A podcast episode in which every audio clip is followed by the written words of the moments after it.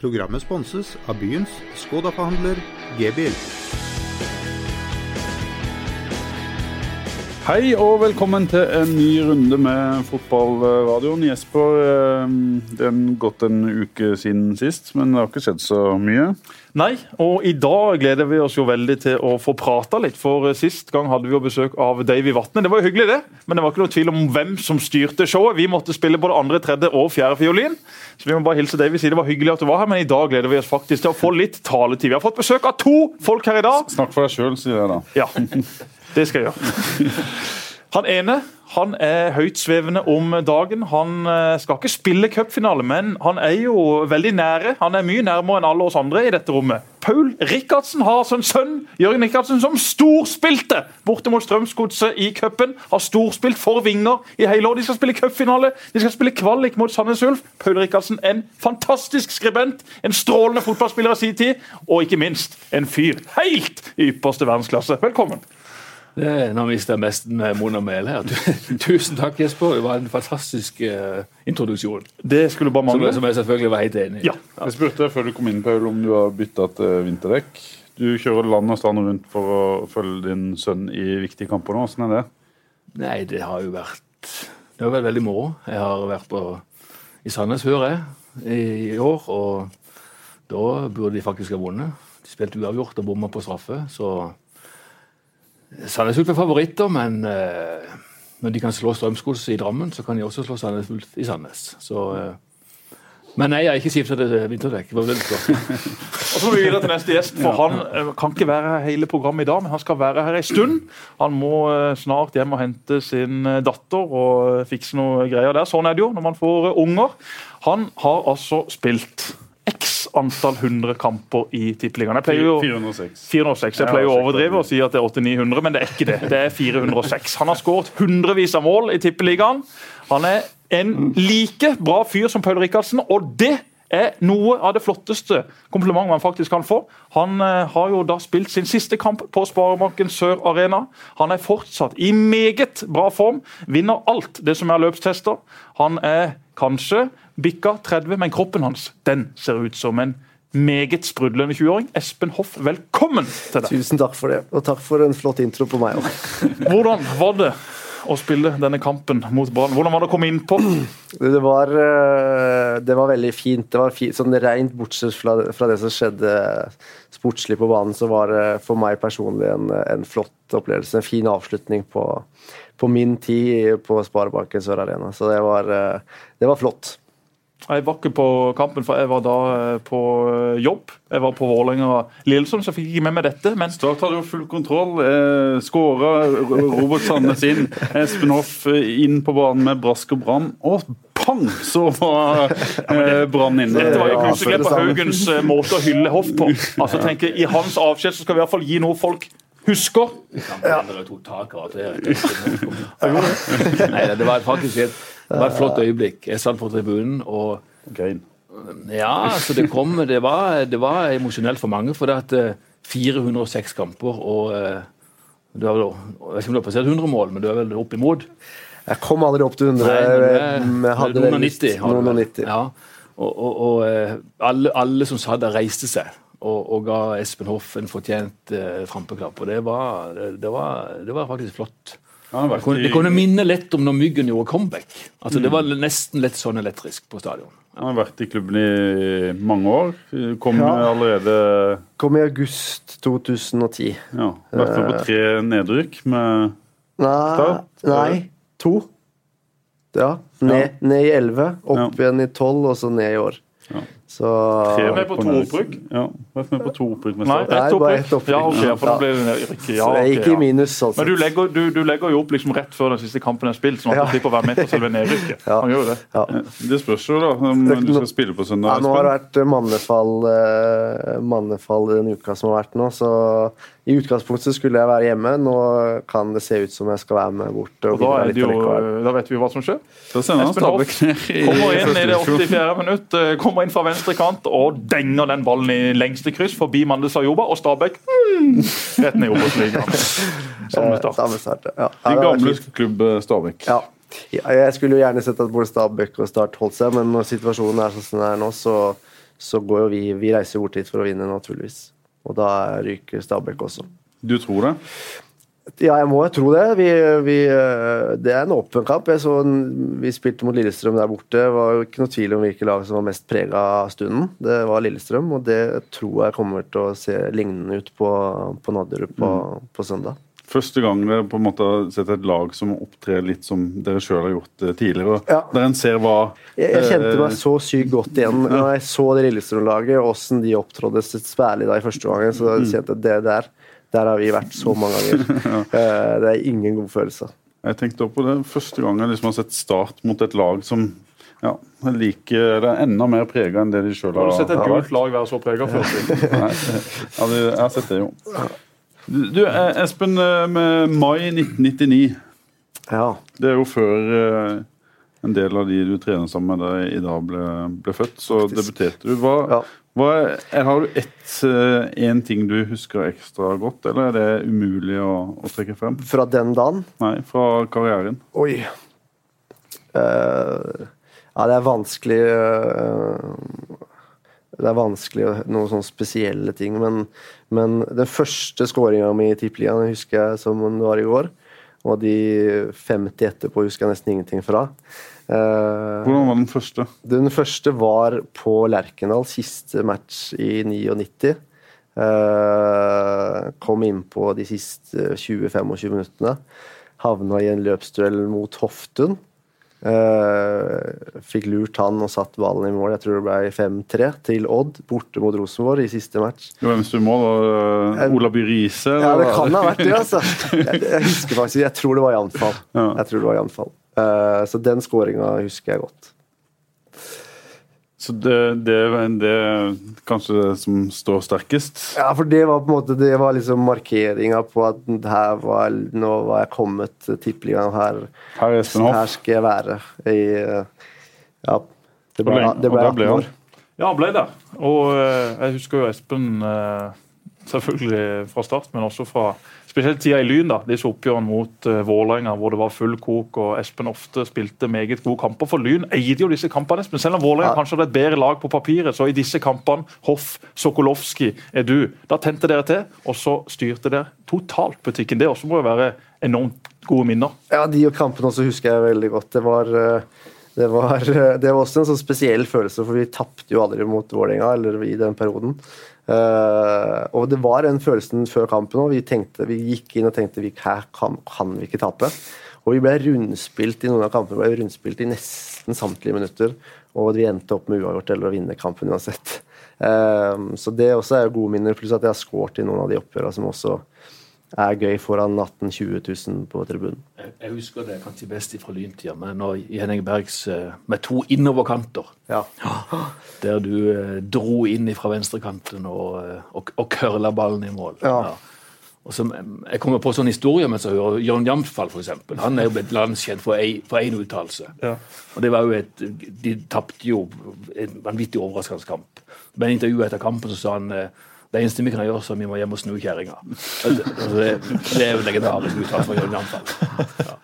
Men når du kom til start, Espen, det, det husker jeg veldig godt, for det var jo litt sånn wow. Klare å starte og, hente han. Egentlig kanskje du var på et nivå som ikke ville være naturlig for Start å, å hente fra. Og så har du en, eh, en kone som, som kommer herfra. Da ringte vi eh, pappa Svein Mathisen og spurte hører rykte om at eh, du prøver å få Espen Hoff eh, hjem. Nei, det stemte ikke. Så ring meg om to timer, sa han. Så og da eh, Det var overraskende for, for oss, og sikkert kanskje for dere og Jesper. At en, Ja, ikke for meg, for jeg hadde visst det. Jeg husker vi spilte mot uh, Stabæk uh, i Telenor Arena ja. En stund før. ja. Eller jeg lurer på om, en om det var på Ullevål, kanskje? For vi hadde et par kamper Det, på ja, det kan være. Det var, på, det var kanskje på Ullevål. Og da husker jeg at uh, jeg hilste liksom på før kampen og var jeg veldig i tvil om jeg skulle si noe. Liksom, Se snart, eller? For da visste jeg kontrakten var underskrevet. Men det var så, det var ingen andre som visste det. Men uh, i og med at han gamlefar ofte satt i telefonen og jeg ofte var i nærheten, så fikk jeg med meg mye av det som skjedde.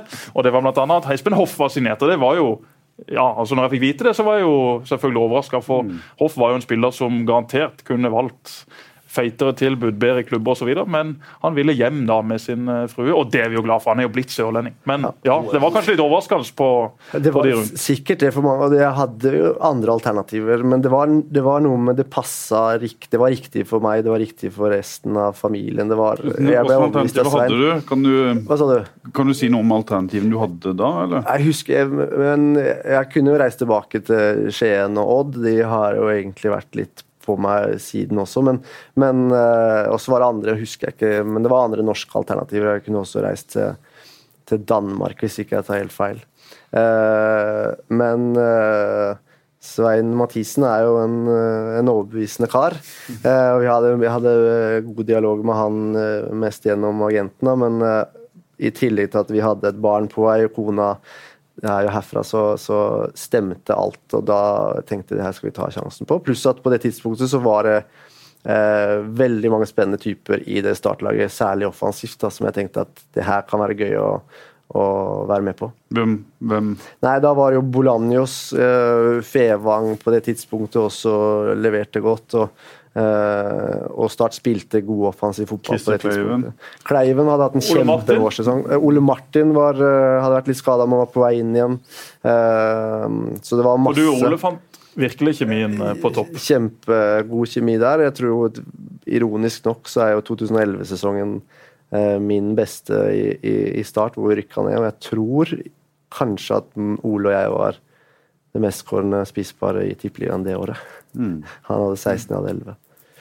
Så, så ja. Jeg, jeg er fortsatt veldig glad for at det endte opp her, da, selv om det har vært turbulent, og selv om eh, sportslig så har det vært så som så de siste, siste par åra. Men, For du flytter eh, ikke fra byen nå som eh, karrieren er Nei, over? nei, det gjør vi ikke. Det har egentlig alltid vært eh, destinasjonen eh, vår. eh, uansett om eh, Selv om vi flytta ned litt tidligere enn planlagt. Hva gjør du nå når karrieren er over?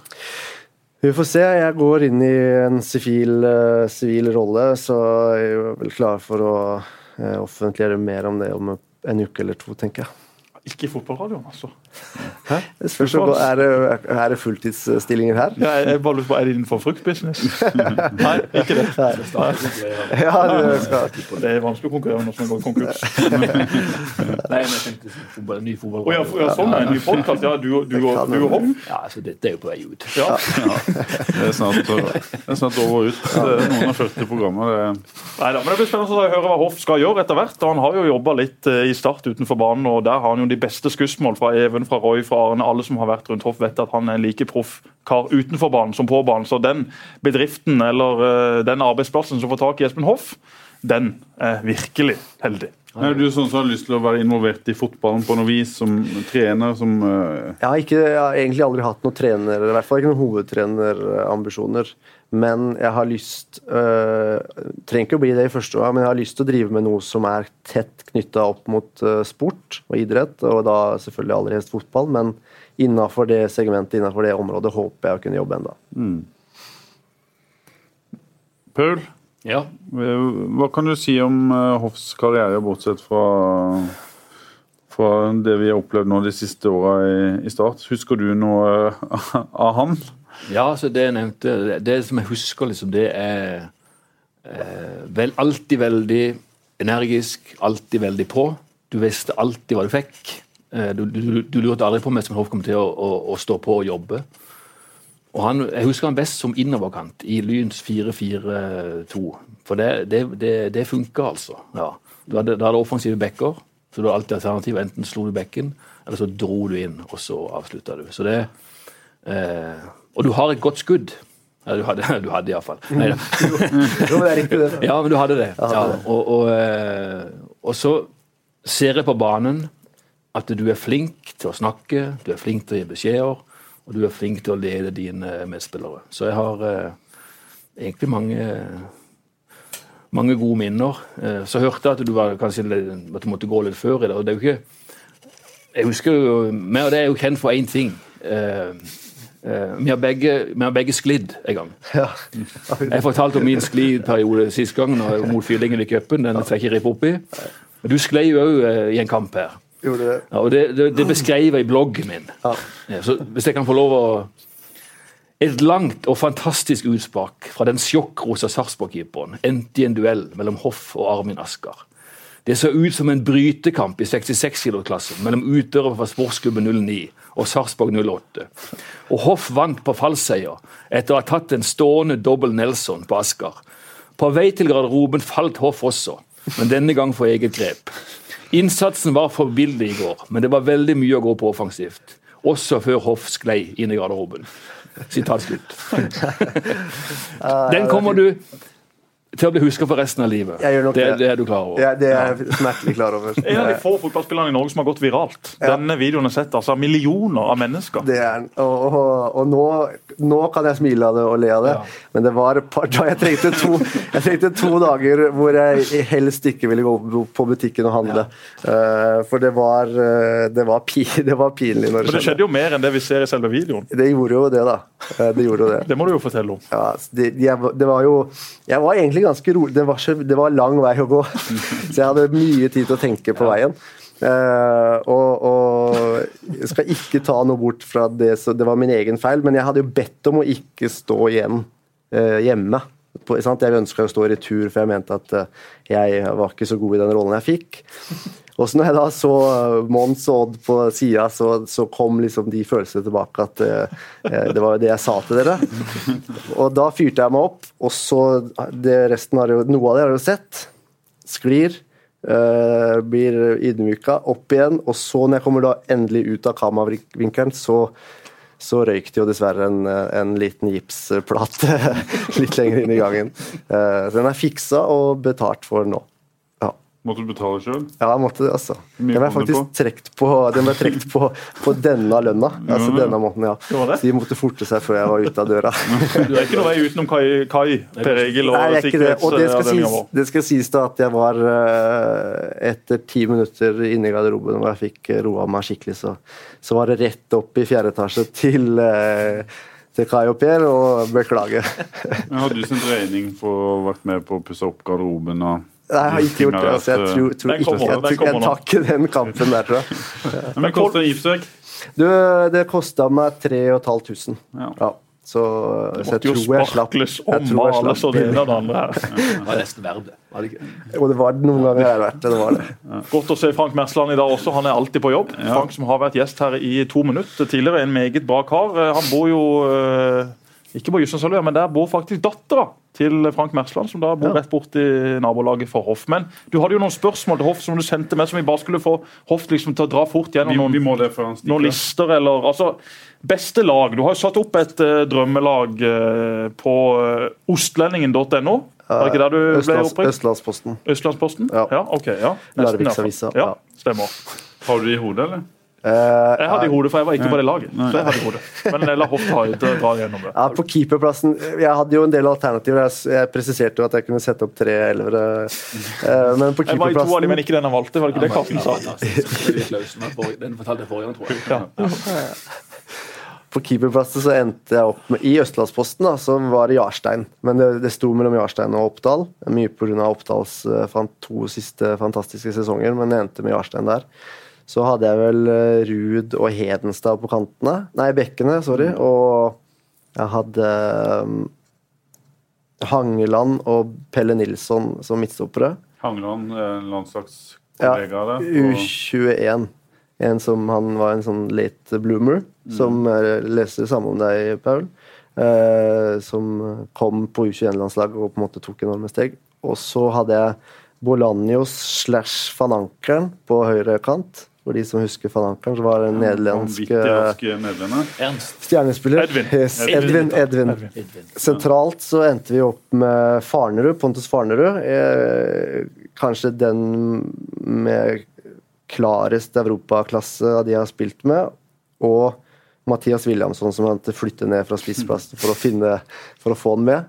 Venstre kant hadde jeg vel Gamst, eh, og muligens meg sjøl hvis jeg fikk lov å være med på, på det. På topp så hadde jeg eh, Obasi og eh, Altså, Edu? Edu Obasi og Igalo, som nå spiller i Watford. Ja. Og er i, er han fortsatt i Bundesliga? Hvor er han nå? Nei, nå er han i AIK, faktisk. Han i AIK, Ja, ja. han holdt jo på å signere for Lillestrøm i, i, vår, nei, i høst. Ja. Eh, så ble ikke det noe, så gikk han til Han hadde så bratt fall i siste år. Skåret han mål i Bundesliga på Jo, han eh, var virkelig høyt, han, men eh, det har gått Hoffenheim og Schalke. har Ja, det var kanskje ja. Og Jesper var ikke på benken engang. Jo da, jo, han var Ja, han var det. Så fikk jeg jo mulighet til å rette opp inntrykket på, på hjemmesida vår. eh, ja. Så da Må ta et nytt lag på ikke-startet.no. Og, da- og da var selvfølgelig også Orst inne for en av disse afrikanerne på topp. Yes. Hvem er den aller beste du har spilt med, da, Espen? Nei, Det er nok han siste vi nevnte. Uh, Edu. Eh, det, var, det var egentlig to grunner til det. var på en måte hva han sto for eh, individuelt, og så hadde det litt med kjemien som vi to hadde når vi spilte sammen, eh, som eh, eh, ja, Som jeg ikke har kjent på, i like sterk grad med noen andre jeg har spilt med. Da. Det var en forståelse der som ikke Selv om han er afrikaner, og det kanskje har vært Ja, eh, og han hadde kanskje han hadde, eh, ja, han hadde ikke den hvis man kan si den sånn afrikanske måten å spille på. Da. Han hadde større forståelse for spillet som helhet. Eh, og det nøt jeg godt av i min lyntid. Og den verste? Men dårligste spilleren du har vært på? det, nei, det kan jeg ikke si. Det kan jeg Verste si. motspiller, da? Hvem har vært den verste liksom, å møte? Var det en du liksom grua deg til å møte? tenker Han her, Oi. han er enten en jævel eller han har ikke sjans mot. Ja, Eller begge deler. ja, den, alltid hatt sjans mot Nei da. Eh, men den største sånn, og det er en hyggelig kar utafor banen, men den største liksom, drittsekken på banen, så sånn som jeg det var jo Martin Andresen. Ja. Det var ingen som på en måte så så svart som det han kunne gjøre innimellom. Eh, Jeg så, trodde du skulle si Jesper, men han ja, ja, nei, det, han er ikke noe hyggelig utenfor. nei, det er akkurat det. Nei, jeg det er forskjell Ja, ja. på Jesper og Martin Andresen. Je- Jesper var heller ikke hyggelig utenfor utseendet. Ellers så har jeg møtt mange tøffe backer som Jo, nå var jeg forresten en vanskeligste å spille mot. Så er det Lystig som spilte i Rosenborg, var et helvete å spille ja. kant når han var back. Det var det var, ja, det var helt fryktelig. Han spilte nesten wing. Ja, du kom jo nesten ikke over eh, på offensiv halvdel. Og så har du også et spørsmål, eh, Pål. Altså, beste stadion. Hvor, hvor har det vært den beste atmosfæren? Det må kanskje være oppgjøret mellom Lyn og Vålerenga på Ullevål, de som sitter igjen som Ja, i hvert fall i Norge. Det, det, og cupfinalen både i 2000 og 2002 er selvfølgelig spesiell atmosfære, men så det har nok i Norge så har det nok vært i Ullevål de beste sånne publikumsøyeblikkene har vært. Var det over ti år? Som ikke, eller hvor mange år var det? Som ikke, som det, var, ikke, det var mer enn det. vet du. Jeg Ja. lurer på om det var eh, Nå husker jeg ikke nøyaktig, men jeg tror det var over 20 år. var det det? Ja. Som ikke Vålerenga har slått Lyn? Ja, Og så hadde de jo ikke vært i samme divisjon alle de åra, men, men, eh, men det var lenge. Før du stikker, Espen, så må du si noen ord om hva du tenker om, om start og, og fremtid. og sånne ting. Du har vært på, på, eh, på innsida og kan kanskje si litt mer fritt om, Ja. om hva du tenker kreves, og, og hvordan du ser på fremtida til, til klubben. Nei, det er jo altså et nedrykk det er, det er mange som sier at, liksom, at det er godt med et nedrykk. og sånn. Jeg er litt sånn enig med Arne Erlandsen at jeg ser ikke noe godt i noe nedrykk. Uh, men det som vi har fått bekrefta i år, er jo at, uh, er at spillestallen har ikke vært god nok. Og det må man jo nå ta inn over seg eh, før neste år. Nå det, blir det naturlig en del utskiftninger. Uh, og den perioden som kommer nå, må klubben bruke veldig godt for å bygge et mannskap som eh, i første omgang skal vinne Obos-ligaen, men som i neste omgang også skal kunne prestere i Tippeligaen.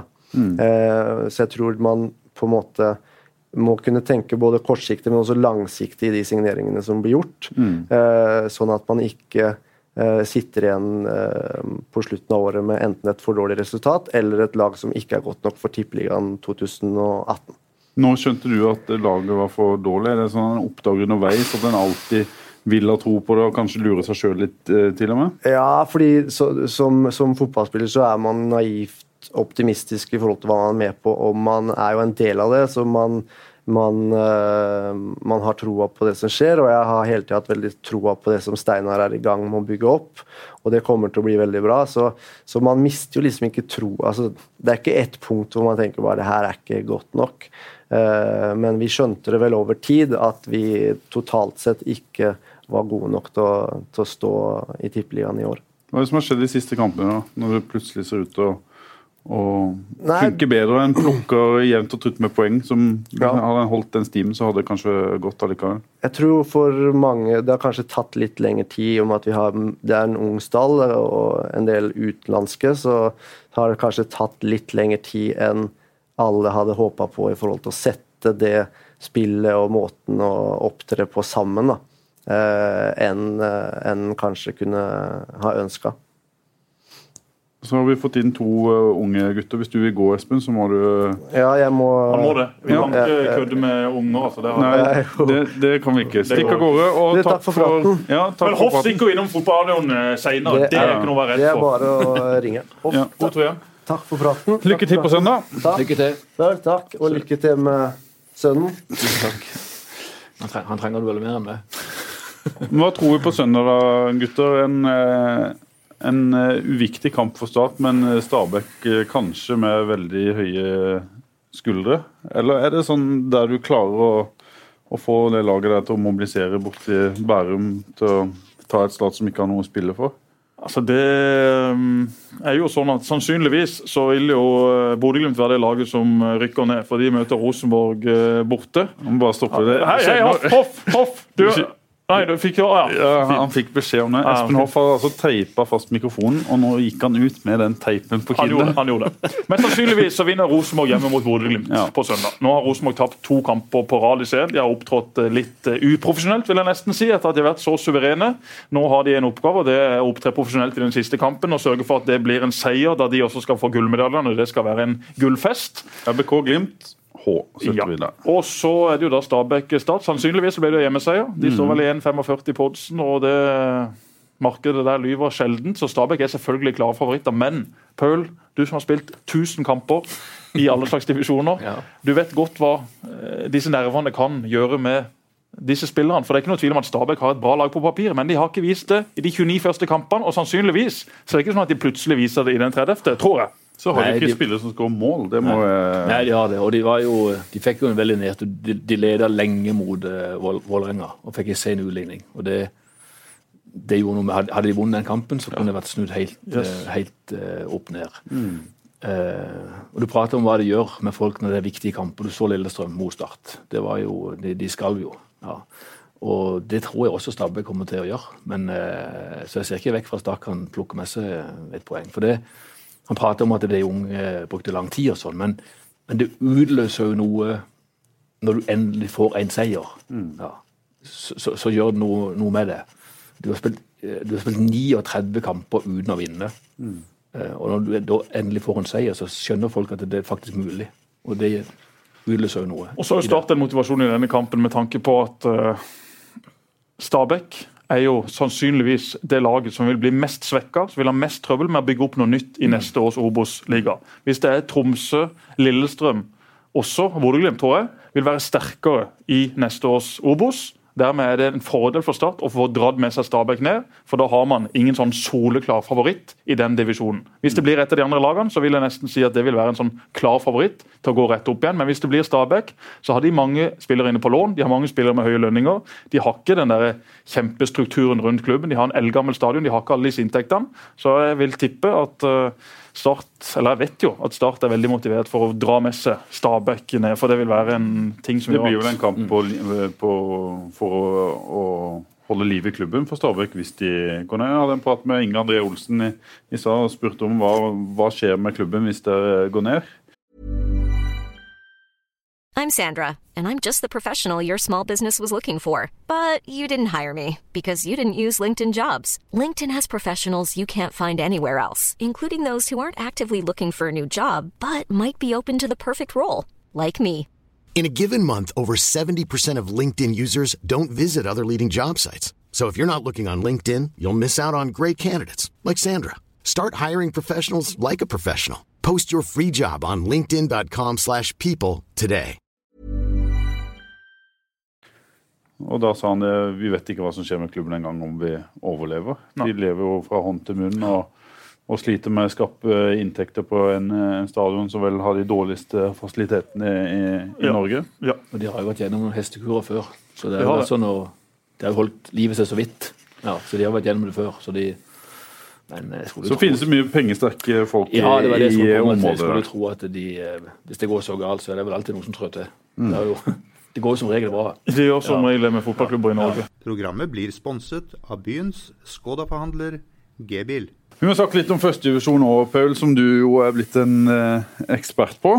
Eh, Vel, vel. ja, men du, du er i hvert fall ekspert på, på Kongsvinger, som skal spille noen Ja. veldig eh, viktige kamper nå. Jeg, ser du for deg Jerv-Kongsvinger i en sånn en, eh, kvalifiseringsfinale i førstedivisjon, før en skal møte et uh, eliteserielag om retten til å spille i Eliteserien? Ja, men det er to ganske Altså eh, jeg, føler, jeg føler kanskje at Sandnes Ulf er større favoritter mot Kongsvinger enn Jerv er mot uh, Mjøndalen. Mm. det jeg vet ikke om jeg har noe god, eh, eh, godt grunnlag for å si, men, men, de har, men de har kommet seg Sandnes Ulf, og de fikk en opptur nå sist med 5-0 hjemme. Etter at de riktignok tapte forrige kampen borte mot Åsane mot ti mann i halvannen omgang. Så, eh, og som jeg sa tidligere i programmet, her, så, så vet Kongsvinger at de kan, eh, at de kan slå dem. For dette, det burde de gjort i høst. Eh, og de forbereder seg nå denne uka bare med å trene på gress. Uh, de er jo som regel best på, på kunstgress, men, men det er to vanvittig åpne, åpne kamper, vil, vil jeg egentlig uh, si. Men kan Mjøndalen- cupfinalen- kan cupfinalen forstyrre Kongsvingers fokus på denne kampen? Har det vært for mye fokus, for mye snakk om den festen som faktisk venter om ikke veldig mange dager? Selv jeg la merke nå Kongsvinger tapte hjemme sist, Ja, det må vi jo få med. De vant hjemme mot eh, Sandefjord i uh, kvartfinalen. Og røyk neste uh, kamp mot Levanger hjemme, som hadde seks tap på rad. Og nå, mot Ullkisa Nå jeg kom jeg i stemmeskifte. Men de, de tapte altså mot Ullkisa. De gikk av eh, gresset på, på Marienlyst klokka ja, og ble vel med halv elleve, tenker jeg, på torsdag. Og skulle spille ny viktig kamp klokka ett på søndag.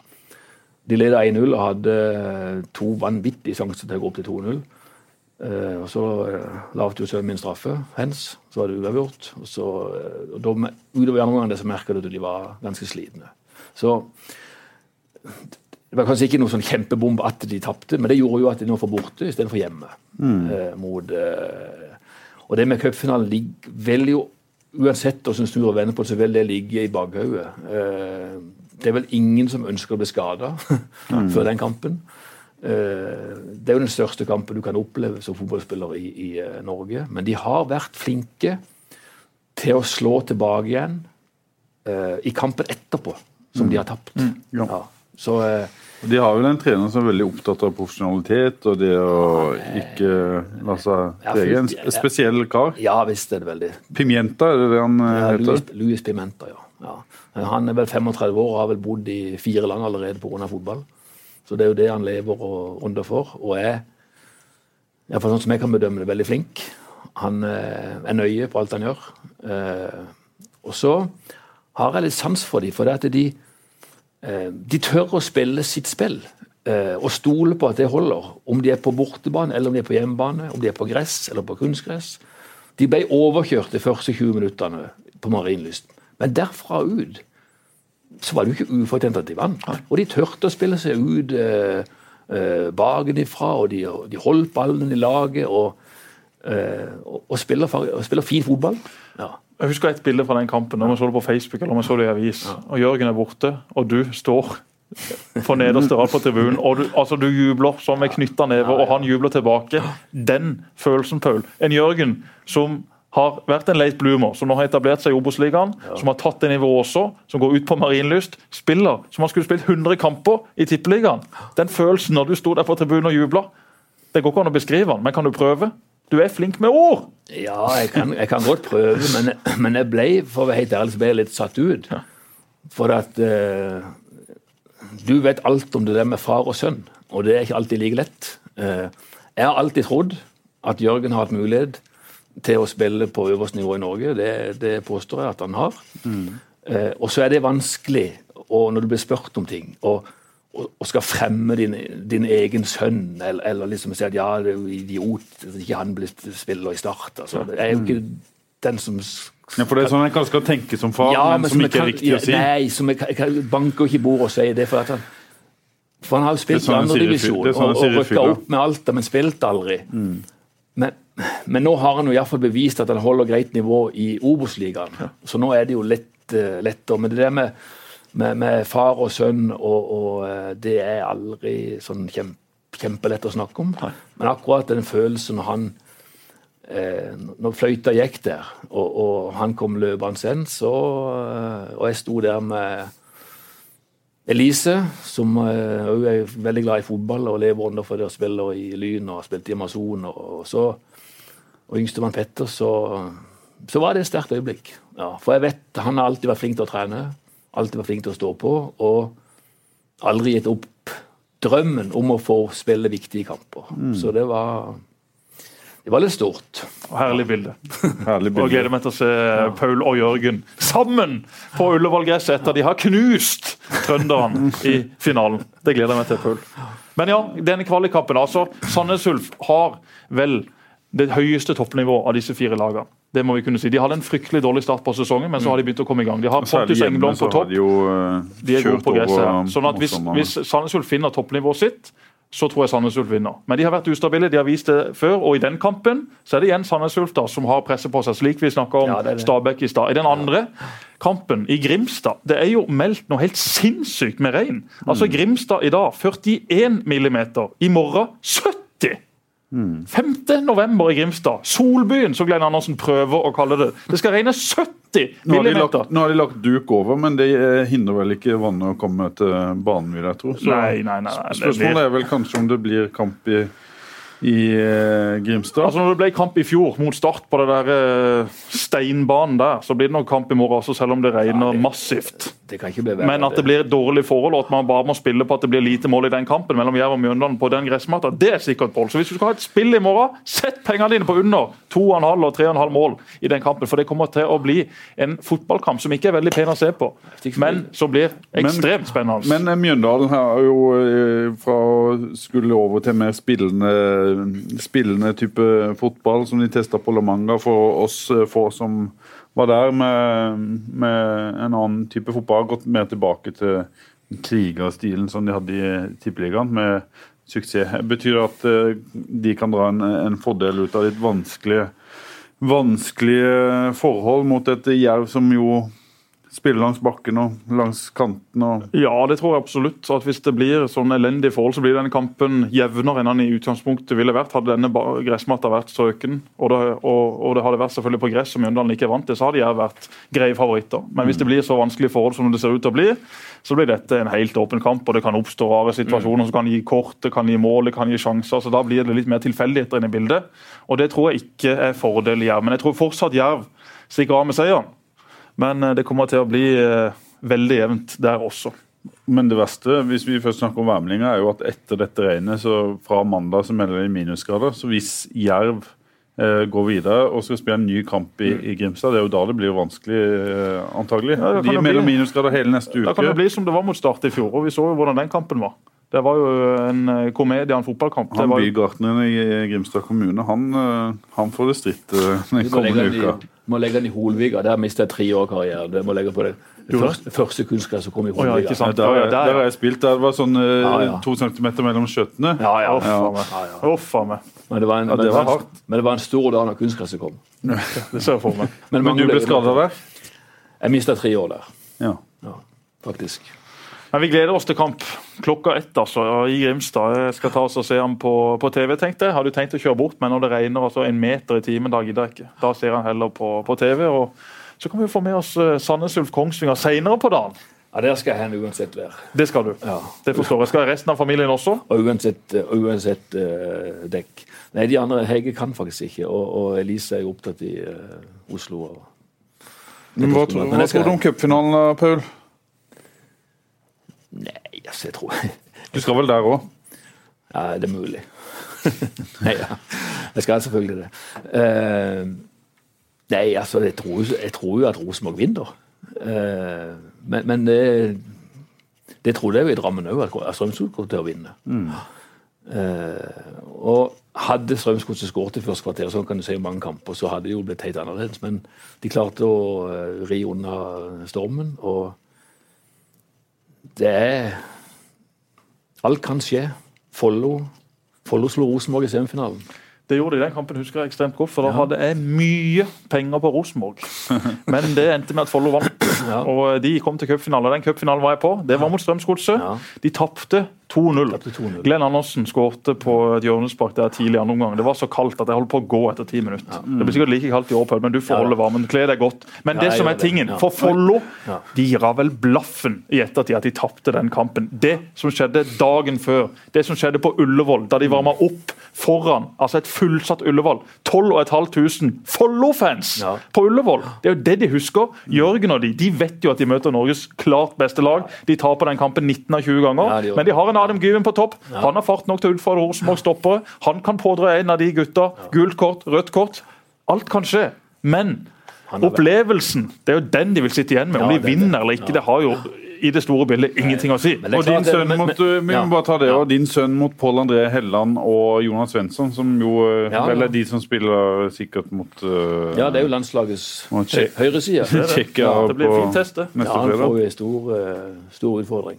Men eh, Alt å vinne. Ja. Om Kongsvinger taper 7-0, ja vel, har ingenting å si. De har kommet til cupfinalen. De har hatt en opplevelse som de vil huske for resten av Men liv. allikevel så er det jo viktig at når du løper ut på det gresset der, at ikke du er fornøyd med bare å være der. Selvfølgelig. Altså, Da må du jo eh, Det er det, du kommer til å sitte Jørgen med det. Ja. Peptalket. Men selvfølgelig, når kampen begynner i garderoben, Ja, går ut for å slå dem. Selvfølgelig gjør du det. Det ikke- det er ikke det jeg mener, men det, Men med, med ettertid, det at du har klart Arne Skeie har jo sett noen kamper. Han sa jo at dette, at Kongsvinger slo eh, Strømsgodset, som har vunnet sju semifinaler på rad. Kongsvinger har tapt fire, og slår de på bortebane. Det mente han var kanskje den største et nyopprykka lag til Obos-ligaen. Kanskje den største situasjonen som hadde skjedd i cuphistoria. Da glemte han Vindbjarts 4-0-seier over Start. Jo, men i så, så sein i, så, så, så runde. Ja, han, han sa det. Altså, det, kan, det kan måle seg med Follo mot Rosenborg, men, Ros, men, men Follo spilte hjemme. Ja, men Rosenborg var Ja.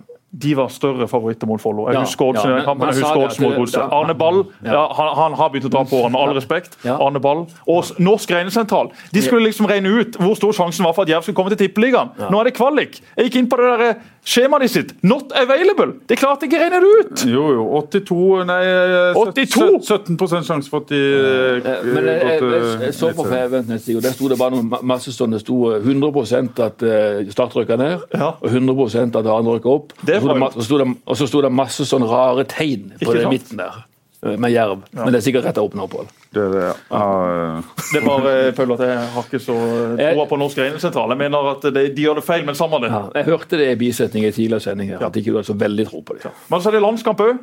Ja. Vi må snakke litt om den. Neste uke da er jeg ikke i stand til å være med på fotballradioen. For da er jeg først i Berlin. Da skal landslaget ha en treningsleir. Og så skal vi da til Praha for å følge Tsjekkia-Norge. Jeg bare spør om en ting som jeg lurer litt på i den forbindelse. Når du liksom hamrer løs mot Høgmo, hvis du kan kalle det det, og så går du på pressetreff og, og sånn, prater du med Høgmo?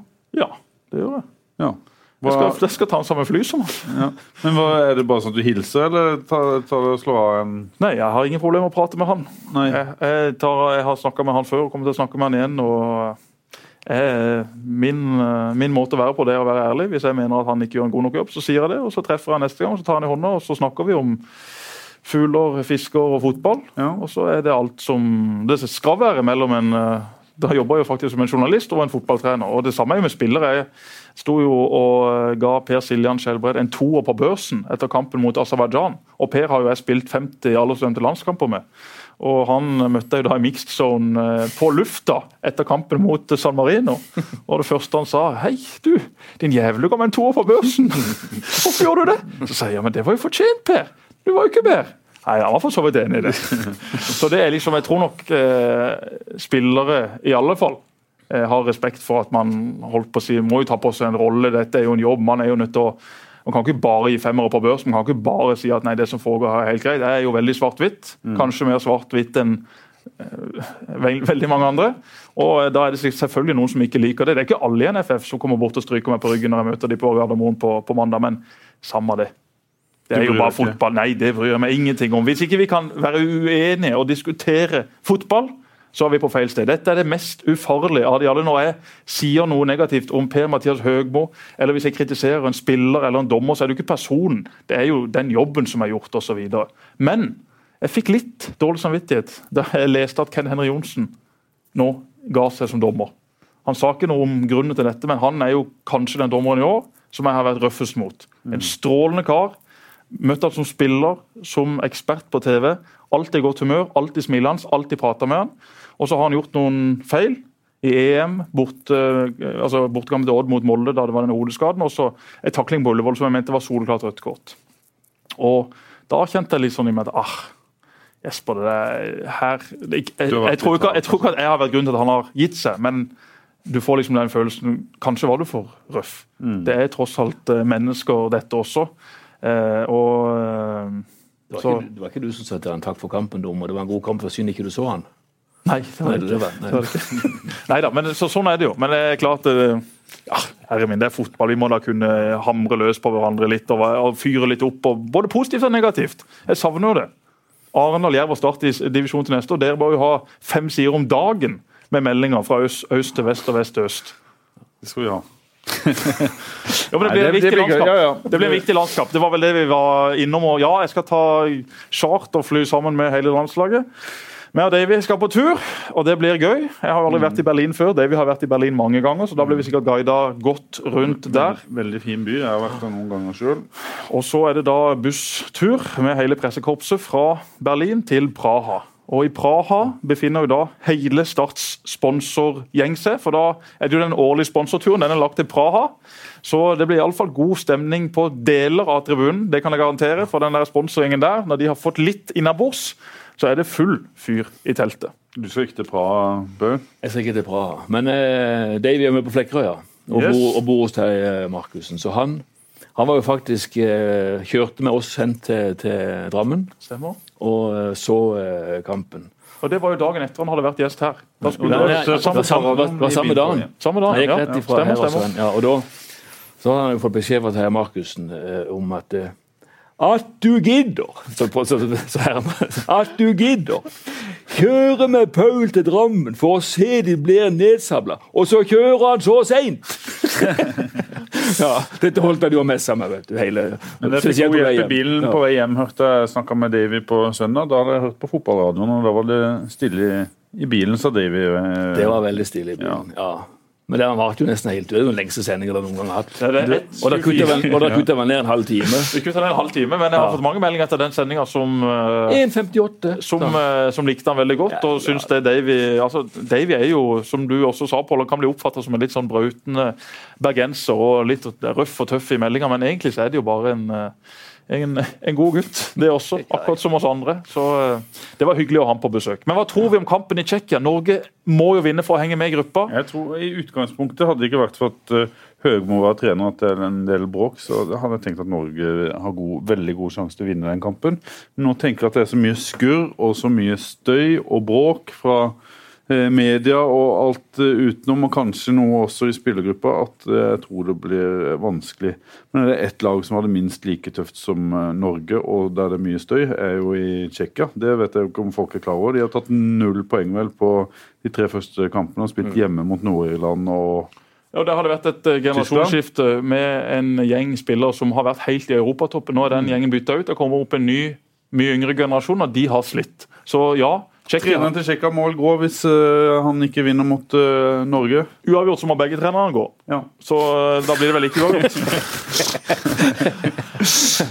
Nei, men jeg tenker at de bør ha gode sjanser. Og så Norge er i dag med en, en spiss som kanskje ja, Joshua King, som, som kan én ting, det er å kontre. Det er jo perfekt å, å stable opp et lag der med noe fart på, Det kan bli på et kantene. som passer eh, Norge bedre enn det de gjorde borte mot eh, Aserbajdsjan, f.eks., som lå veldig lavt i banen. og Du har King, du har en eh, Helland som kanskje da spiller på, på høyre kanten. og så er det, synes jeg det er synd at synes det er synd at Ole Selnes er ute, men der har du Stefan Johansen, som i alle fall har nå begynt å spille i championship, og som er i bedre form enn han var på sitt samling. Dio kan absolutt eh, levere varene. Så ja da, Norge det er en helt åpen kamp der nede i Tsjekkia. Og la oss håpe at uh, Alle tenker jo, de som kanskje ikke følger så godt med, at det er en fryktelig tøff uh, kamp. For det at uh, Tsjekkia er et land som ja, de har vel vært i kvartfinaler i VM og kanskje semifinaler i EM og EM-finaler i, i 96. Og en har husker på Boski og Berger og Husker du den? Nedved. Var det EM 96 han lobba inn dette målet sitt? Ja, Karl Koller husker vi jo godt. Ja. Men de, de spillerne finnes jo ikke lenger. Den største stjernen er Peter Cech, vel, som, som står i mål. Ellers er det fullstendig profilløst, omtrent som uh, Norge. Men jeg tror jo alltid det er muligheter Kongsvinger slo Strømskog. Mm. San Marino kan jo vinne Tsjekkia. San Marino vant jo nesten på Ullevål. Ja, de gjorde det. Ja, de gjorde faktisk det. Nei da, men det, det, jeg tror det blir en uh, tøff kamp. Jeg tror, jeg, jeg tror ikke Norge klarer noe mer enn uavgjort i Tsjekkia. For det at Tsjekkia har et vanvittig press på seg. Og Hvis det blir uavgjort, så er jo på mange måter denne kvaliken ferdig for Norges del. Ja. Uansett om de vil bli nummer to, så vil de ha såpass uh, få poeng at de da vil få det vanskelig med å bli en av disse beste toerne. Og Da er jo spørsmålet hvem skal trene det, og når skal dette skje? Da tror jeg det går på hvilke alternativer er ledige, og når er de ledige. Og Høgmo prøvde seg jo på en unødvendig helgardering igjen, da, mener jeg, når han går ut og sier at uh, uavgjort kan holde. Det Kan du si noe så dumt før en så viktig kamp Men enn akkurat det det? er jo noe av det største problemet, at det blir sagt ting som ikke henger sammen med folkets oppfatning. Mhm. Hvis du har sett at eh, en fotballkamp har vært dårlig, så må du ikke si at han har vært veldig bra. Det samme må du ikke si at ja, vi trenger ett poeng, og alle vet at du trenger tre. Men hvis han sier det i spillergruppa, da har han et eh, problem, eh, mener jeg. Ja, men det og, tror men jeg- det tror jeg kanskje han ikke gjør. Det tror jeg ikke han sier. Jeg syns han har vært flink til å ta altså Han har ikke lagt noe skyld på, på spillerne sine. Det er klart at det er Høgmo som får alt skytset, men det er jo veldig mange av disse spillerne også som har levert langt under pari. Men Høgmo er flink sånn sett til å aldri gi pressen noe som sier at ja, men det er spillerne. Han, det har vært interne stridigheter, det har kommet ut ting, men Høgmo har sagt ja, men det er bra med engasjement osv. Han har, han har avvæpna det på en så god måte som mulig. Men hindrer måte jo ikke han fra å være mye mer offensiv i stilen enn det han er. Jeg skjønner ikke at De har jo medierådgiver og en presttalsmann. At, han ikke, at de ikke blir enige om hva, hva slags holdning de skal ha Ja, men det, det er en sånn problemet er jo kamp. altfor mange medierådgivere og pressemenn og det ene og det andre. Støtteapparatet til NFF de må jo chartre et eget fly fra Gardermoen til Berlin kun for å fly Er det det, er det det flyet du skal ha? Du så jo det når Norge møtte Sverige her i den damekampen på Sparebanken Sør Arena for en uke eller to siden. Det var jo mer folk fra støtteapparatet enn det noensinne har vært spillere ut på den banen. Og vi, vi fikk kjeft. Jeg få, heia, heia NFF, sier jeg da. Nå skal jeg fortelle en liten historie. Vi var på trening eh, to dager før kamp med Norge på Sør Arena. Eh, jeg hadde fått beskjed om at vi måtte gi beskjed om hvem vi skulle intervjue. Og Håvard Karlsen, vår, intervju, eh, vår journalist der nede, intervjua Leif Gunnar Smerud, men det hadde han ikke gitt beskjed om på forhånd. Så han fikk huden full av en prestetalsmann fra NFF fordi han intervjua Sven Nei, hva heter han? Leif Gunnar Smerud. Er Leif Gunnar Smerud uten avtale. Og det var to journalister der.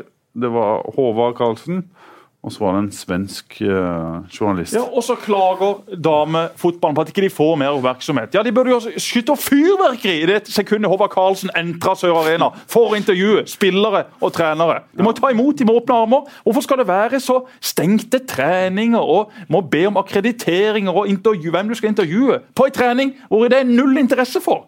Nei, De måtte vel komme i buss, og så ble de eh, sluppet av. og Der måtte de gå på innsida av noen gjerder som, eh, som Kai Eriksen hadde satt opp for at eh, kvinnelandslaget ikke skulle bli plaga av alle sørlendingene som var kommet til å se på når eh, de skulle trene. Det blir bare for dumt. Ja, det, er, det, det er som når du må bygge noen vanvittige sikkerhetssoner på, på, på Levermyr for at Amazon skal spille hjemmekamp. Hæ? Ja, ja, det er jo Og koster noe u- Ja. Det er ikke gratis å bygge. Men det samme er jo kravene til eh, stadioner og fasiliteter rundt om i fotball-Norge. Har du noensinne hørt en spiller, en trener eller en supporter klage på at ikke det er sitteplasser på tribunen x antall det de må ha? Det er jo ikke det som er det viktigste. Klubber må jo bruke massevis av penger. Hvis en klubb rykker opp, så får han kanskje ett eller to års disp. Og så må det drives og utbedres og bruke masse penger på det, istedenfor å bedre produktet på banen. Norge har jo en haug nå av stadioner som er så fete som ingen andre i hele Skandinavia. Men på banen, der er produktet forringa. Det er jo helt feil fokus. Det var bare det. Det var dagens ja. Vi må ha et program om eh, NFF.